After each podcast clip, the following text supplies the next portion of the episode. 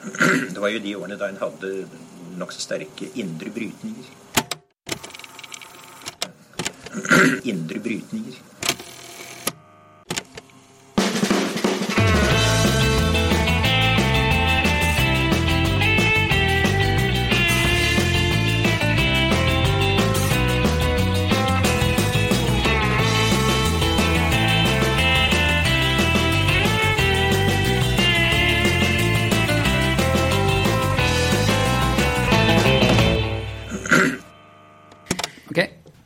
Velkommen til Noen har snakket sammen. Eh, Dette er siste episode før sommeren. Jeg heter, ja, det er det. Jeg heter Halvor Trettvold. Jeg heter Tiril Halvorsen. Siden vi er på tampen av sesongen, så å si, så tenkte jeg at vi skulle prøve å oppsummere i dag hva som har skjedd i politikken eh, våren 2018. Og eh, for å få litt hjelp til det, så har vi invitert eh, deg, Hege Ulstein, kommentator i Dagsavisen, Hei. hit. Hit, ja. Velkommen. Mm, takk. Så kult at du kunne komme. Ja, det syns jeg òg. Hva som har skjedd, og hva som ikke har skjedd, kanskje i løpet av Ja, våren. ikke sant? Det er ikke lite. Det er ikke lite, nei.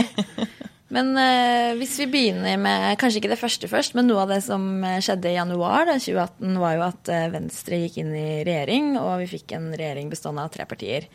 Um, og dette var jo også en konsekvens av uh, en forlengelse av stortingsvalget. Hvor det da ikke Høyre- og Frp-regjeringen ikke lenger eh, bare kunne holde seg med Venstre eller KrF. Nå er de avhengig av begge.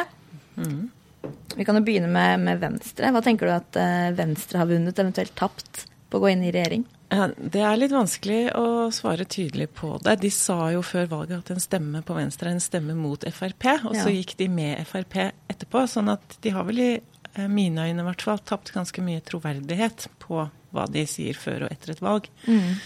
De holder seg på målingene ganske greit. Ja, sånn, det er jo ikke akkurat noe hurratall, da. De ligger nei. sånn det er liksom, Venstre rundt, snakker her, rundt sperregrensen. Har ikke sånn Venstre at, liksom et sånn slingring fra liksom eh, 4,7 til mellom 3,7 og 4,7 da, sånn omtrent? Er det ikke liksom et sted der imellom de alltid ligger?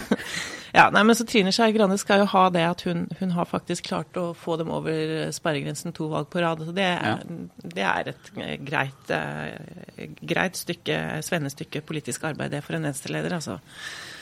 Eh, de sa jo at de gikk inn i regjering for å gjøre den rausere og grønnere, og for å få eh, noen venstrefolk inn som har, skulle være mer synlige. Og min dom etter det siste halvåret er at eh, det siste har de ikke klart. Jeg syns ikke at du merker en sånn entusiasme rundt omkring i landet over at Ola Elvestuen er miljøminister, eller at Iselin Nybø er forskningsminister, eller at Trine Skei Grande er kulturminister. Så der har de ikke lykkes, syns jeg, i noe særlig grad. Um, har regjeringen har de gjort re re politikken grønnere? Terje Søviknes lyste akkurat ut et rekordstort antall eh, leteblokker. Rausere. Jeg syns vel heller ikke at de har fått noe særlig gjennomslag i, i, verken i innvandringsintegreringspolitikken eller i på en måte den politikken som handler om eh, en rausere velferd, hvis det var det de eventuelt la i, i, i det, da, i og med at de snakker om sosialliberalt. Så foreløpig så, så tror jeg på en måte det eh, hyggeligste eh, som har skjedd for Venstre, er at de klarer å holde seg sånn noenlunde over sperregrensen, og at ikke de opplever en massiv velgerflukt. Og så får jeg andre på en måte felle den endelige dommen om de er en kjempesuksess eller ikke, da. Mm. Um, hva, med, hva med den andre polen, på en måte, i det laget som Erna prøver å holde sammen, altså en Frp? Hvordan har, det, hvordan har det vært for de å få Venstre inn i regjering? Tror du at det har påvirket noe, hvordan liksom, denne regjeringens konstellasjon har fungert? Nei, eh, jeg, jeg ser ikke det utenfra. Altså, vi må huske på at både Høyre, Frp, KrF og Venstre gikk tilbake ved stortingsvalget. Sånn at de hadde jo ikke en sånn her kjempemandat i ryggen. Og hvis Arbeiderpartiet bare hadde klart å ikke gå tilbake, de også, så hadde vi jo fått regjeringsskifte.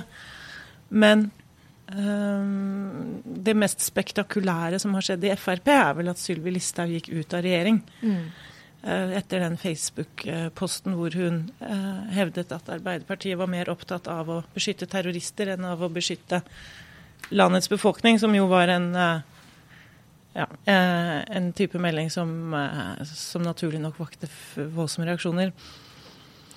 Om det har endret politikken rent faktisk? I regjering, det har ikke jeg sett. Jeg synes ikke, altså For det første så er det vel eh, ganske sånn eh, common knowledge at Sylvi Listhaug egentlig ikke hadde noe særlig politisk gjennomslag som statsråd. Altså hun, det var mye skrik og lite ull, for å si det sånn. Så, så det var jo mer, mer snakk enn egentlig politiske saker.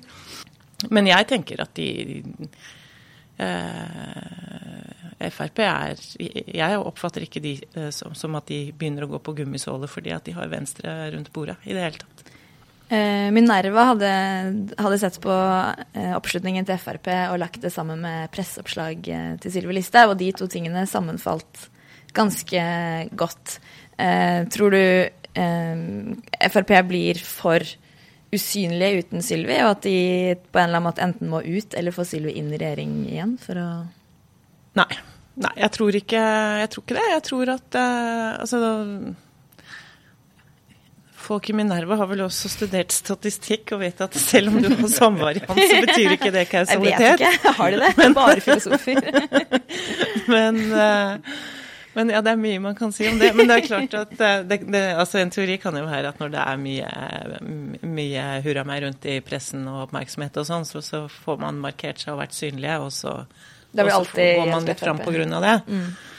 Um, men jeg tror ikke jeg, altså Vi må ikke glemme at Frp er et ganske bredt parti. altså Det er ganske mange ulike politiske retninger og miljøer som, som uh, mer eller mindre føler seg hjemme der. og hvis du kjører for hardt på, på, den ene typen retorikk, så risikerer du jo også å fremmedgjøre de uh, som er mer moderate, mer ansvarlige, eller hva man skal si. Sett, sett ja. utenfra så virker det av og til som at de på en måte har eh, to ansikter, eller to varianter, minst. Sikkert minst. flere også, ja. sikkert. Men, men at, uh, at uh, den veldig sånn retor, polariserende, retorisk høystemte biten som kanskje Sylvi Listhaug representerer litt, og, og den eh, som hennes etterfølger i, i justisministerposten representerer, altså moralfilosof Tor Mikkel Wara, um, som en annen type, da.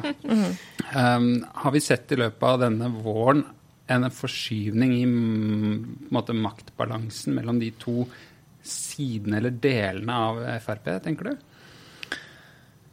Jeg syns det er vanskelig å svare tydelig på det. fordi det er ikke noe tvil om at det er eh, et stort eh, miljø i Frp som, eh, som har samla seg rundt den type retorikk som Sylvi Listhaug er en representant for. Og, og, at den måten å operere på i politikken også er på frammarsj i Norge. Vi så det nå Sist med, med denne, denne, saken i Oslo om, om eldreboliger, og, mm. eh, hvor hun ble tatt i blank løgn, men likevel fortsatte å hevde, hevde de usannhetene som hun gjorde. Altså at et eldrehjem hadde blitt stengt for at man skulle eh, begynne å bosette romfolk der inne. Mm, det er vel bare en, en, dag eller to siden også at eh, Tybring-Gjedde Uh, ba om å oppfordre til boikott av Aftenposten fordi Aftenposten på lederplass hadde gått mot forbud mot hijab ja, det, i skolen. Ja. Det, altså det, ja. men, men, den type utspill, eh, miljøer, retorikk, har du egentlig alltid hatt i Frp. ikke sant? Helt siden Vidar Kleppe holdt på, og, og før det også. sånn at det er ikke noe nytt i seg selv. men men gitt den medievirkeligheten vi har, og når vi ser hva som skjer i USA og ellers i Europa, så er det jo ikke noe tvil om at det eh, slår litt bedre an i litt større miljøer, og at du har kanaler ut til tilhengerne dine som ikke, ikke handler om det som disse folka ofte kaller mainstream media. Da. Altså, mm. At du har en type nettsider som uh, rights.no, Document Resett, som, som, uh, som, gjør at du har, uh, har flokken din Eh, har mer tilgang på flokken din på en annen måte. Så, sånn sett så, så, kan man jo si at de, uh, at de har en større megafon, men jeg tror ikke de har noe Jeg, jeg, jeg opplever at Siv Jensen sitter veldig trygt, og at hun elsker å være finansminister, og at hun kan være partileder så lenge hun selv vil, sånn som situasjonen er nå, når de sitter i regjering og styrer landet. Jeg tenkte nesten motsatt, ja, at uh, man kan lese den saken med Sylvi Listhaug som at uh, her gikk det for langt. Og eh, det ble jo til slutt et tilbaketog, ikke sant? Mm. Eh, og at den eh, At vi endelig liksom kom til et punkt der hvor det var eh, nok er nok. Og at det fikk den motsatte konsekvensen. Altså at Du ser også på hvem som er de nå frem, mest fremtredende politikerne i Frp også. At det er en annen, liksom, Sylvi Listhaug er ute, Tor Mikkel Wara er inne. Uh, Siv Jensen vil gjerne forbli finansminister, som du sier, og at de på en måte har lagt litt lokk på det. da. Ja, Vi får se. Altså, jeg har liksom, eh, egentlig helt siden de kom i regjering, registrert at det, de, de, er, de, er, sylskarpe på dobbeltkommunikasjon. ikke sant? Altså, det er jo ingen som når dem til knærne eh, i den kunsten. Sånn at de, de, har jo hele tiden operert med et stortings-Frp og et regjerings-Frp, hvor de har vært mye mer populistiske, mye mer rabiate, og også oppført seg og sagt at de er et opposisjonsparti. Altså, Sylvi Listhaug går jo nå rundt og sier at hun taler makta midt imot som stortingsrepresentant i et regjeringsparti. Det er jo helt, det er dypt imponerende. Mm. Men øh, Sånn at Den disiplinen tror jeg de kommer til å fortsette med. Og så kan man jo alltid ha en sånn diskusjon om hvorvidt noen er ute eller inne og svekket eller styrket eller noe sånt, men jeg tror det viktigste for Frp er at de, at de klarer å spille begge de to uh, kortene hele tiden. Da. At de sant, kan holde på med sitt i regjering og styre og gjennomføre ganske blå politikk. Og så har de i tillegg uh, type Sylvi Listhaug, Christian Tybring-Gjedde, Carl I. Hagen i Oslo bystyre som, eh, som er eh, Per-Willy Amundsen. Ja. Per-Willy Amundsen, ja. Mm. Nominere Trump til Nobelkomiteen og gjøre litt sånne ting. Mm. ja. Og så har vi jo ja, statsminister Erna Solberg eh, selv, mm. eh, som jo på mange måter eh, unngår mange konflikter som er rundt henne, og står sånn sett ganske trygt, men samtidig manøvrerer da en mindretallsregjering gjennom en eh, opposisjon som kommer med mange forslag. Um, og Aftenposten hadde jo en sånn oppslag um, for et par dager siden om alle disse kamelene Erna må svelge. Mm. Um, hvor lenge kan hun egentlig holde på sånt? Og hva, hva blir, hvor blir det da av det borgerlige prosjektet til slutt? Ja, selv har hun vel sagt at hun kan holde på til 2025. Ja. Så eh, jeg kan jo komme med en liten uh, hemmelighet. Jeg møtte uh, Gro Harlem Brundtland for et par uker siden på, ja. på Bygdøybussen. Rett før, rett før var, Hun var her sikkert i forbindelse med at abortloven var 40 år. Ja. Så ble vi sittende og snakke, snakke litt politikk, og så, og så, sa jeg at det må jo så, så snakket vi litt om Erna Solberg og regjeringen, og så sa jeg at ja, hun har jo ikke noen posisjon, egentlig. Og da så jeg liksom Gro bare lente seg tilbake, og så lukket hun øynene og så sa Å, det må være deilig. og det tenker jeg liksom Alle som har vært eller er statsminister, syns det er veldig ok å få lov til å holde på i fred, og så kan de liksom gneldre litt der borte i, i Stortinget om den type saker som disse kamelene mm. er, som jo i og for seg De er jo ikke uviktige saker, eh, for all del, men men, men det, er de, det, er jo ikke de, store strukturelle endringene som, som, bringer Norge i den ene eller den andre retningen. Og det tror jeg vi eh, har litt lett for å glemme når vi liksom, hopper rundt med, med disse småsakene og, og, og, veldig mye av det som har skjedd denne sesjonen spesielt. Det er at de vedtakene de fikk i forrige periode, de gjennomføres jo jevnt og trutt nå. Og det er mye storstilte privatiseringsreformer på, på, på, på viktige samfunnssektorer. Jernbanereformen som nå rulles ut. Veldig lite diskusjon og debatt om det, men det er jo en massiv privatisering av et kjerneområde innenfor norsk, norsk samferdsel som bare skjer. Eh, utlysing av oljefelt, som vi var inne på i stad. Kjempe, kjempetrøkk på olje- og gassutvinning. Eh, og innenfor helsesektoren eh, De har akkurat eh, gjort om alle læreplanene innenfor utdanningssektoren. Altså det skjer mm. veldig, veldig mye politikk som det er ikke så mye diskusjon om, og som er eh, ganske mye høyrepolitikk. Som ganske, ganske mye strukturelle endringer. Eh, endret finansiering av hvordan vi bygger veier. Ehm, som, som, jeg tror at Erna, altså Hvis jeg hadde vært Erna, så hadde jeg egentlig vært ganske happy med at jeg kunne få lov til å holde på med disse tingene og, og, og styre i det store, og så uten noe særlig opposisjon på det. Og så, og så tar du det som, det, det som kommer, ganske greit. Ja. ja. Fedrekvote er kanskje ikke det verste, men Nei, for Det er kanskje litt sånn at vi nesten har glemt det at en mindretallsregjering må svelge noen vedtak i Stortinget som går mot det har ikke vært vant til. Eller det er en stund siden, da. Ja, sådan er parlamentarismen. Mm. Ja, og altså, Hvis vi tar f.eks. lærernormen, som var KrFs store seier i statsbudsjettet. altså Hvis dere leser innstillingen fra finanskomiteen på den såkalte seieren til KrF, så er det jo altså så mye vurdere og forbehold og hvis og dersom at egentlig så tenker jeg at ok, det er greit, Høyre skriker og hyler og sier at det var helt forferdelig at de tapte den saken, men eh, jeg tror kanskje de syns det er at de har fått, fått, inn såpass mye forbehold at det er greit. Mm. Ja.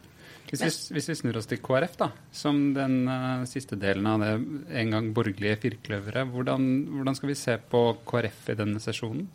Ja, det er jo tusenkronersspørsmålet i norsk politikk på, på, på sjette året. Men uh, Nei, altså nå har de jo sagt nok en gang da, eh, at de har, altså, det har kommet en ny bebudelse, er det ikke det de sier? At de skal bestemme seg eh, til høsten om de skal gå inn i den borgerlige regjeringen, eller om de skal gjøre noe annet. Og dette noe annet er litt uklart. Mm. Det kan være status quo, på en måte? Det kan også være status quo. Som, som jeg tenker altså For KrF det må jo være helt greit, det. Å være på vippen og bruke den vippeposisjonen og være kingmaker og, og, og tørre å være det og mm. ta den rollen. Og ikke gå rundt og synes at det er så forferdelig å måtte velge side hele tiden, men, men, men være det man pleier å kalle et konstruktivt opposisjonsparti, som slåss for å få gjennomslag for sine saker, og som også gir tydelig beskjed til regjeringen om at dere lever på vår nåde, så pass dere. Mm. Men isteden så opplever jeg jo at de er ganske fortvilt over å være i den rollen, og at de hele tiden tenker at de må velge side. Og så å nei, hvis vi gjør det, da kommer vi, kommer vi til å miste masse tilhengere, og, og så Uh, og, og, så går det til ja, det stedet som man ikke snakker om i KrF-sammenheng. Uh, men jeg tror hvis, ser, hvis, vi ser på, på Listhaug-saken og det at stortingspresidenten ble felt, begge de to sakene var KrF på vippen, begge de to sakene valgte de å gå mot regjeringen. Mm. Så, og det hadde de ikke gjort hvis de var på innsiden av regjeringen? Det hadde de ikke gjort hvis de var på innsiden av regjeringen. og det jeg tror nok at det var uh, sikkert ikke lett for dem, men, men det viser jo også at, uh, at, hvis saken er alvorlig nok, så godtar ikke KrF uh, hva som helst. Og da sier de tydelig ifra, og da er det sånn OK, da, da går den statsråden, da går den presidenten. Og, og når det gjelder Listhaug-saken Vi fikk jo aldri vite hva som hadde skjedd hvis Erna Solberg hadde satt regjeringens liv i ryggen på, på mm. Listhaug. Hva KrF da hadde gjort. Men de så, kunne jo ikke trå tilbake når de hadde gått så langt som de hadde på det tidspunktet, tenker jeg. Da ville det sett veldig ut som et uh... mm. Ja, altså Det kan jo godt hende at de allerede da var villige til å felle regjeringen på mm. den saken, men det bare ble ikke sånn fordi at eh, Solberg manøvrerte såpass smart, og, eller om det var Listhaug, det er litt uklart. Mm. Men vi kommer jo til å få antagelig en sånn situasjon til høsten. ikke sant? Når, når Riksrevisjonens rapport om objektsikring kommer opp i kontrollkomiteen, og vi får de høringene, så er det ganske sannsynlig at vi kommer til å få eh, i hvert fall veldig skarp kritikk, og muligens også et mistillitsforslag mot regjeringen på terrorsikring, som er selvfølgelig et ekstremt alvorlig spørsmål. Mm. Og som man overhodet ikke kan ta, kan ta, lett på. Og Knut Arild Hareide var jo leder av 22. juli-komiteen på Stortinget, så han kan jo dette veldig godt. Og er veldig opptatt av det. Og Eh, hva KrF gjør i den situasjonen, det tror jeg er ingen gitt oss på. Men det kan jo også da ende med at de eh, støtter et forslag om å felle regjeringen. Mm. Og da har vi jo en ny situasjon. Mm. Hvis de ikke bestemmer seg for å gå inn i den først, da. Altså, men det, det, er vel kanskje Den høringen kommer vel før de ja, den gjør det. kommer omtrent samme uka, tror jeg. Så det er liksom Det er først Arendalsuka, og så er det disse høringene, og så skal KrF ha et eller annet. Ja. Ja, politisk interesserte får ta sommerferie mens de kan. Da. Ja, det nå med en gang. Bli ferdig med det. Ja. ja. Jeg skjønner, men Hvis man da tar og kaster et blikk på helheten, for eh, sett fra liksom Erna Solbergs perspektiv og hennes store prosjekt om å samle borgerlig side og få dette til å henge sammen på en eller annen måte, og i hvert fall være et stabilt parlamentarisk grunnlag, eh, ideelt sett også en firepartiregjering, mm. har hun kommet nærmere eller lenger unna det målet? Nei, altså hun hun har jo fått Venstre inn, så sånn matematisk sett så er jo tre mer enn to. Eh, og nærmere fire enn to. Så da so man want to go, eh, Men så vet vi jo selvfølgelig at politikk og matematikk det er to helt ulike ting. Mm. Um, spør Torbjørn Røe Isaksen. Ja, eller jeg spør Torbjørn Jagland for den del. Men Sant? Ja, ikke sant. Nei, altså jeg tror eh, Jeg tror ikke at det er spesielt uh, stor stemning i KrF for å gå inn i regjeringen. Det, det, er my take på den diskusjonen der. Men dette her blir litt sånn der kremlologi, ikke sant. Altså, mm. vi, vi, vet ikke, vi vet jo utmerket godt at det er mange i KrF som ønsker seg det, og som tilhører høyre, høyrefløyen der. Um, men jeg tror ikke det er noe Knut Arild Hareide ønsker seg. Så kan man diskutere hvor interessant det er hva jeg tror eller ikke. Jeg tror, det jeg egentlig tror, er at vi må se den prosessen og, og se hva de, hva de, kommer fram til. Mm. Men jeg er overrasket over at de, at de syns det er så vanskelig å være i vippeposisjon og bruke makta når man ser hva de faktisk får gjennomslag for. Ja, De er jo per definisjon med i alle flertall i Stortinget. Ja. Mm. Så de er jo egentlig i en drømmeposisjon. Mm. De burde jo gå rundt og glise. Jeg tror bare de er veldig slitne. jeg tror det er det. Overarbeida. ja. Ta stilling til alt mulig rart. Ja, ja, nei, jeg skjønner at det kan være fælt. Mm. Men uh, vi har jo flere partier. um, og noe annet som har preget våren, er jo uh, metoo, blant annet. Mm. Um, som på en eller annen måte sammenfaller eller henger sammen med eller hva man skal si.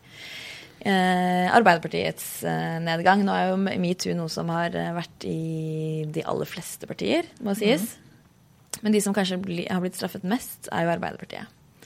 Av velgerne, ja. Av velgerne, ja. Mm. Eh, hvordan ser du på posisjonen til eh, Jonas Gahr Støre eh, før jul og frem til nå? Nei, altså Det var jo en skikkelig nedtur ved valget. Å tape det valget som, som man vel tenkte at, uh, at, det, at, den gå den ballen skulle gå i mål uh, inntil valgkampen begynte, og så bare rakna det totalt. Mm.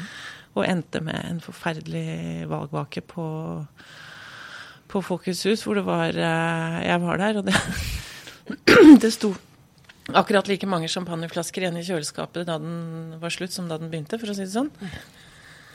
Uh, han har jo fått kritikk for at han var for passiv i starten, og så tok han grep, og nå har det bare blitt rot igjen. Det er vel på en måte kortversjonen av uh, den offisielle dommen over Jonas Gahr Støres mm. håndtering av metoo.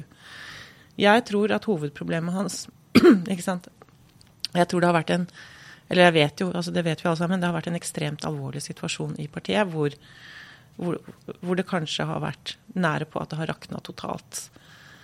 Eh, med en ledelse som ikke snakker ordentlig sammen, eh, som driver med hver sine agendaer uten at de klarer å samle seg om noen ting som helst. Og eh, noen støtter Giske, noen gjør det ikke. Sånn at i Arbeiderpartiet så har jo metoo vært mye mer kobla opp på en maktkamp enn i de andre partiene.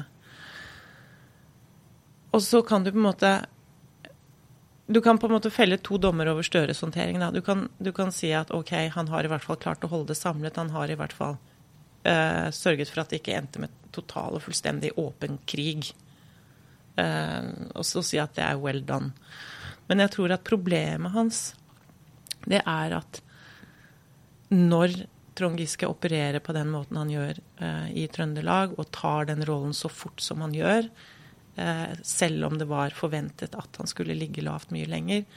Når han går på TV og uttaler seg som talsmann så fort som han gjør, eh, og du ser reaksjonene i Trøndelag på, på hvordan dette foregår, og Jonas Gahr Støre ikke griper inn, ikke gjør noe, dette bare skjer, så eh, er jo utfordringen for han er at han han da blir sett på som en fyr som ikke har autoritet, som ikke setter foten ned, og at han framstår som svak.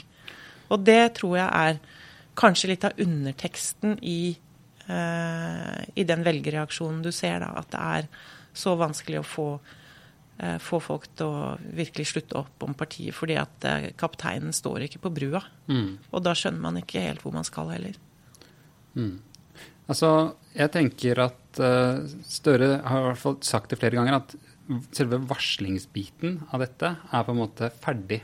Ikke mm, sant? Mm. Og, og, han fikk til å begynne med så fikk han jo kritikk for uh, den håndteringen også, men etter hvert så fikk han litt sånn uh, selv, Det var vel til og med i, i dag, er det torsdag, en, en, sak i en av avisene hvor en av varslerne sa at det var ikke noe i veien med prosessen uh, som sådan etter hvert. Det kom til slutt, og det, da var det bra.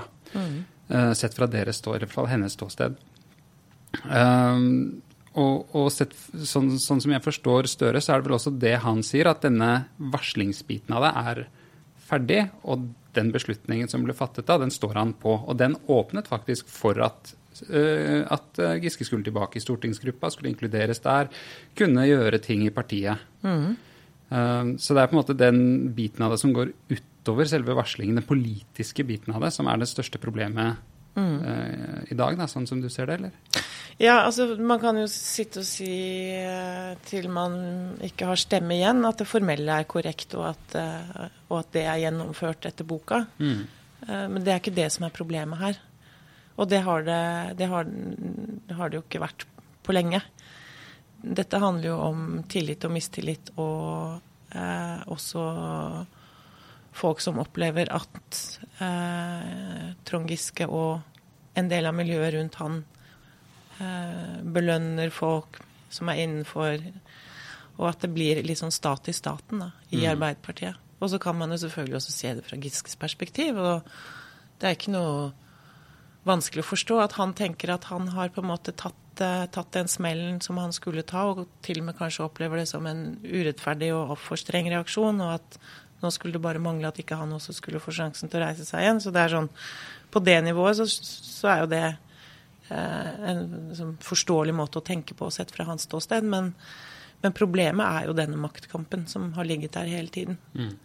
Og som handler om dette, men også om noe helt annet. Mm.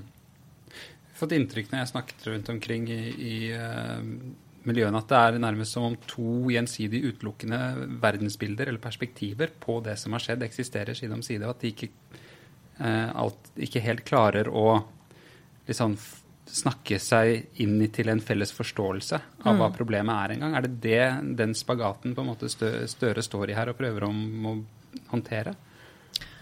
Um, ja, jeg tenker det. Og så er det Samtidig så er det jo sånn at uh, dette her kommer jo uh, Det er litt sånn når du går i oppoverbakke og bærer en 30 kilo sekk, og så kommer noen og så gir deg 30 kilo til. Ikke sant? Fordi vi hadde allerede det valgnederlaget mm. og hele den skuffelsen, og det skulle bearbeides fire år til med Frp i regjering. Uh, og så kommer dette oppå før man egentlig er ferdig med å rette ryggen og se, finne ut av hvordan man skal uh, løse, løse den opposisjonstilværelsen og finne ut av hva som gikk gærent. Så, så det, det, var jo maksimalt dårlig timing. Mm. Men likevel så er det jo rød-grønt flertall, eh, inkludert Rødt og MDG, på mange målinger. Mm eh, og det er jo mye fordi Rødt og SV det, og Senterpartiet gjør det veldig bra. Mm. Um, tenker du at det er hovedsakelig uh, fordi Arbeiderpartiet gjør det dårlig, eller er det andre krefter eller tendenser i spill eller på vei som gjør at de gjør det bra, og som kan tilsi at de vil holde seg, selv om Arbeiderpartiet kanskje kommer seg i form igjen? Altså, jeg tenker i hvert fall at det er en ganske tydelig beskjed til Arbeiderpartiet uh, når de gjør det dårlig. Uh, jeg husker jo diskusjonen da, da vi hadde den rød-grønne regjeringen og Arbeiderpartiet gjorde det svakt på målingene, og uh, jeg og andre som mente at kanskje Arbeiderpartiet skulle flytte seg litt til venstre, tørre å, tørre å utfordre tydeligere høyresiden ikke bare gå på jakt etter flytvelgerne. Og da var jo svaret at eh, nei, men det er jo ikke noe rop om mer venstrepolitikk. Se på Rødt og SV, de har jo ikke noe økt oppslutning. Og det var jo et veldig relevant argument, for så vidt. Mm. Det gjelder jo ikke lenger. Altså, nå er Venstre, eh, SV og Rødt kjempesvære. Og jeg tenker at det er vel et ganske tydelig hint fra velgerne om at de ønsker seg en tydeligere venstrepolitikk.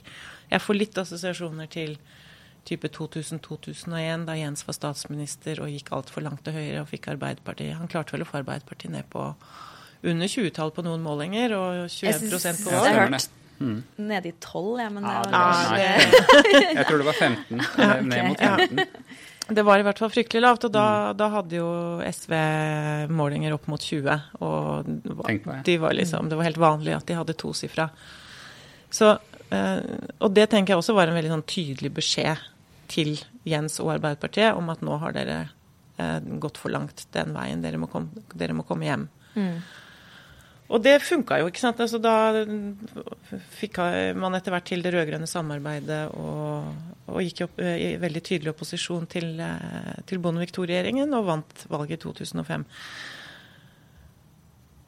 Og, og, derfor så overrasker det meg veldig at eh, Arbeiderpartiet fortsetter den, kanskje spesielt på innvandringsfeltet, at man fortsetter med den retorikken hvor, eh, hvor, hvor, man legger seg veldig tett opp til Frp.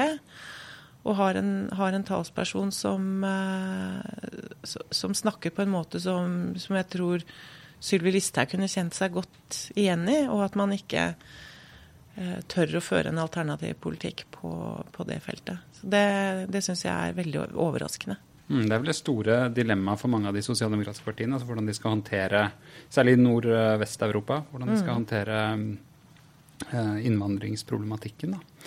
Og, og, det er litt sånn eh, interessant å si at ulike partier har forsøkt ulike strategier, og ingen av de ser ut til å fungere sånn superbra.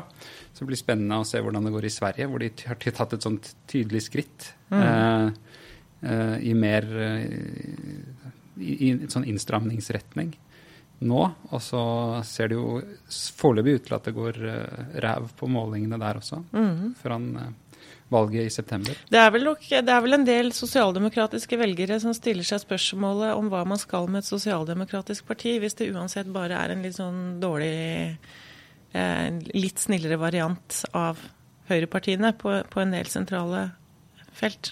På en måte kan man si at det er en parallell til den bevegelsen som skjedde under eh, Blair-årene og den tredje vei-bølgen. ikke sant? Da var det i eh, økonomiske spørsmål at man gikk eh, mot sentrum, eller mot, mot, høyre, om du vil. Mm. Og man kan se det som at det som har foregått i, i, innvandringspolitikken, og egentlig bare er en bare snudd, snudd 90 grader, men det er egentlig den samme bevegelsen, bare langs en annen akse.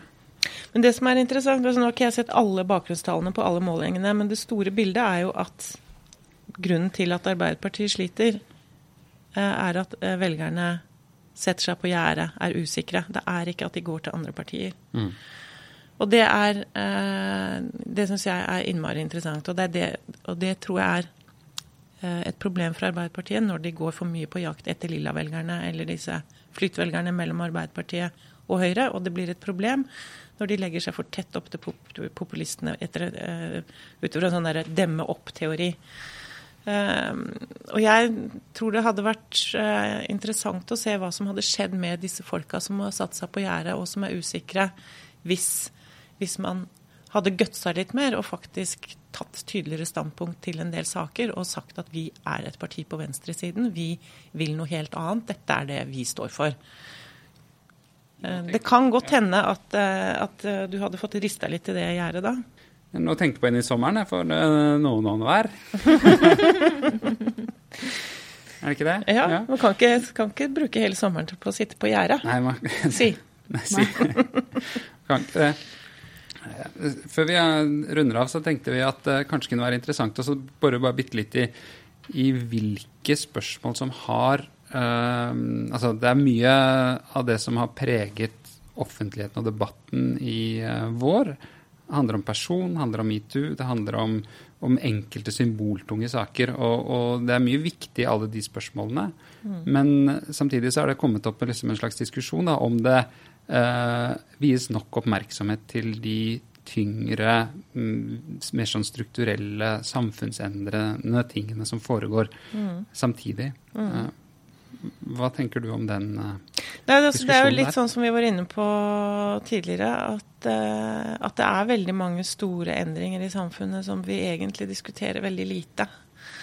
Og som vi kanskje diskuterer mer uh, hvis det dukker opp sånne fæle eksempler på konsekvensene av politikken, som er enkeltsaker. Og så snakker vi litt om det, og så begynner vi kanskje å snakke litt om hva dette egentlig skyldes. Så, men så blir det veldig ofte ikke noe mer ut av det. Jeg hadde en kommentar denne uka om eh, Cecilie Herlovsen som ble skutt tre ganger på Utøya, og som nå TV 2 har lagd journalistikk på hennes historie, som går ut på at hun mister arbeidsavklaringspengene, blir satt på sosialhjelp, og den blir ytt henne med pant i boligen hun kjøpte for erstatningspengene etter Utøya. Altså en ganske uh, ufattelig brutal og forferdelig historie, ikke sant, uh, som, som er helt uforståelig. Men grunnen til at hun havner i den situasjonen, er jo en politisk strukturendring. Som handler om at eh, Den handler delvis om at, at, regjeringen strammet inn reglene for arbeidsavklaringspenger nå fra januar. Sånn at, sånn at uh, hennes Nav-kontor antagelig tenker at de har ikke noe rom for skjønn. altså De må bare fatte den beslutningen, for det har Stortinget bestemt. ikke sant?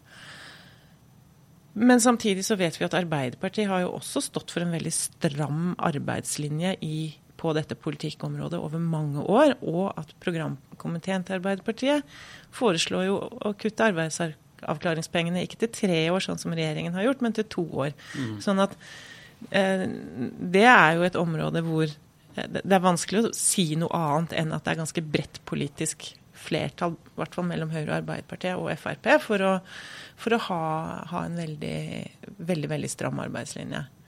Det er vel derfor det ikke blir noen særlig debatt om det også, da. Så, ja. ja. Og kanskje også derfor partier som SV og Rødt styrker seg, fordi at de tar, den, de, tar mm. de debattene og, og, får kanskje mer gehør for det også når den politikken har gått så langt i den retningen. Mm. Eller så er det kanskje disse regionreformene. Ja, det er, det, men det er, jo, det er, jo, et litt morsomt eksempel på en sånn stor strukturendring som, som man kanskje trodde at skulle gå liksom sånn tralt av gårde stille og rolig for seg selv uten at det ble noe mer tull og tøys med det. Litt sånn som jernbanereformen har, uh, har vært til nå. Og så smalt det i, Finnmark så til de grader. Så der, eh, hva som skjer der, det vet ikke jeg. Men sånn som det ser ut nå, så skjønner jeg ikke noe annet enn at eh, finnmarkingene kommer til å vinne den kampen over eh, Stortinget og regjeringen. Det, eh, det, er så hard motstand at eh, det, det, er nesten tragikomisk å se på at, eh, at regjeringen nekter å gi mm. seg og, og komme med nye forskrifter og skal nesten tvinge Finnmark unn som et sånn pro protektorat under Troms, som det ender opp med. Kan det, kan det koste regjeringen hele Nord-Norge, det kommunevalget? Ja, det blir veldig, veldig spennende. Altså, altså, hvis jeg hadde bodd i Finnmark og hadde tenkt å stemme på Høyre, så tror jeg ikke jeg hadde sagt det høyt. For å si sånn. Enig. det er et drøyt år til kommunevalget. Hvis vi prøver å kikke i krystallkula, hva tror vi at blir store ting framover mot Eh, mot, det?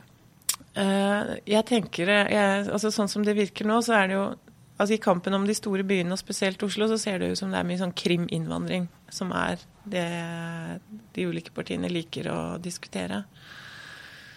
Eldreomsorg tror jeg også kan, kan bli en sånn sak. Eiendomsskatt er det åpenbart at Høyre og Frp ønsker å ha opp. Eh, jeg tror det blir kjempespennende å se. Høres ut som valgkamper vi har vært gjennom før. ja, ja. Altså det, men det blir jo innmari spennende å se hva som skjer i de store byene. Mm. Um, om, om, de rød-grønne klarer å holde på Bergen og Oslo, i hvert fall. Eh, mm. Eller om det svinger tilbake der. Og så syns jeg også det blir spennende å se hva, hvordan velgerne reagerer på politikken til De grønne. De har vært et veldig tydelig parti i Oslo. Gjort mye eh, forandringer i byen.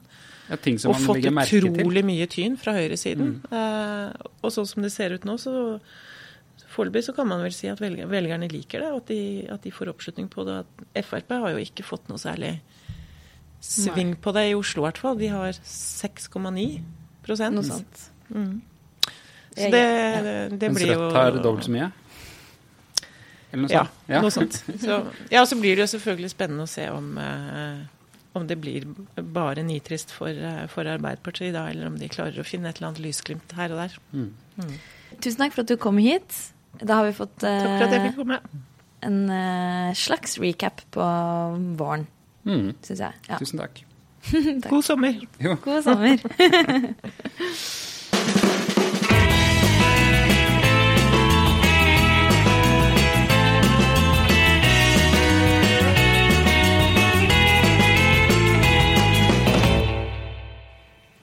Det var Hege Ulstein. Yep. Det kan bli eh, deilig med litt fri fra politikk eh, selv om det er spennende. Ja. Kanskje legge vekk mobilen litt i sommer. Hva, ja, eh, Har du tenkt det? Kanskje, ja. ja. Um, så inn og slette Facebook-appen og ja, Hva skal du gjøre istedenfor? Har du noe å anbefale? Ja. Um, jeg tenkte jeg skulle anbefale en bok, da. Sånn at man kan ha noe å gjøre mens vi er borte. Eh, og det er eh, Åsa Lindeborg sin eh, bok 'Meg eier ingen' fra 2009. Eh, Gammel bok. Mm. ja, en gammel en, men veldig god bok. eh, Og eh, litt fordi det er svensk valg, og dette handler om en Det handler jo faktisk om Åsa selv og hennes far, som var metallarbeider i Västerås, eh, en by i Sverige. Eh, og som gir eh, godt eh, inntrykk eh, og godt bilde av hvordan eh, klasse og sånn, klassestrukturer har gitt seg utslag, og fortsatt gir seg utslag i Sverige. Og når jeg leste den boka, jeg lo og jeg gråt om hverandre. Det er en Ja. varm anbefaling. Meg eier ingen. Og hva med deg? Jeg er jo en sånn fyr som elsker sol, og av og til får nok. Så eh, da skal jeg se dokumentarfilmer, eh, hadde jeg tenkt. Og eh, jeg jobba jo tidligere i NRK, og mange av kollegaene mine derfra har anbefalt hver sin sånn dokumentarfilm i NRK Ja, sin sånn dokusommeropplegg som de kjører hver sommer eh, på nett-TV-en sin. Så det er eh, i hvert fall en, et sted å starte, da. For å få tips om veldig mye bra dokumentarfilmer. Eh, alt fra eh, Sigrid Solund, som eh, anbefaler The Fourth Estate, som er da ett år med Trump, New York Times som har laget, til Thomas Seltzer, som anbefalte han eh, Louis Thoreau, som har sett på Scientologene. Så se litt dokumentarfilm. Hvis det regner. Hvis det regner. Ja, det var siste episode før vi tar ferie. 18, 18 episoder har det blitt. Eh, vi er Den tilbake 19. kommer i august. Ja, Mm. ja, vi fortsetter i august. Um, så bare følg med i podkastappen. Gjør det. So long. God sommer! Ha det, ha det.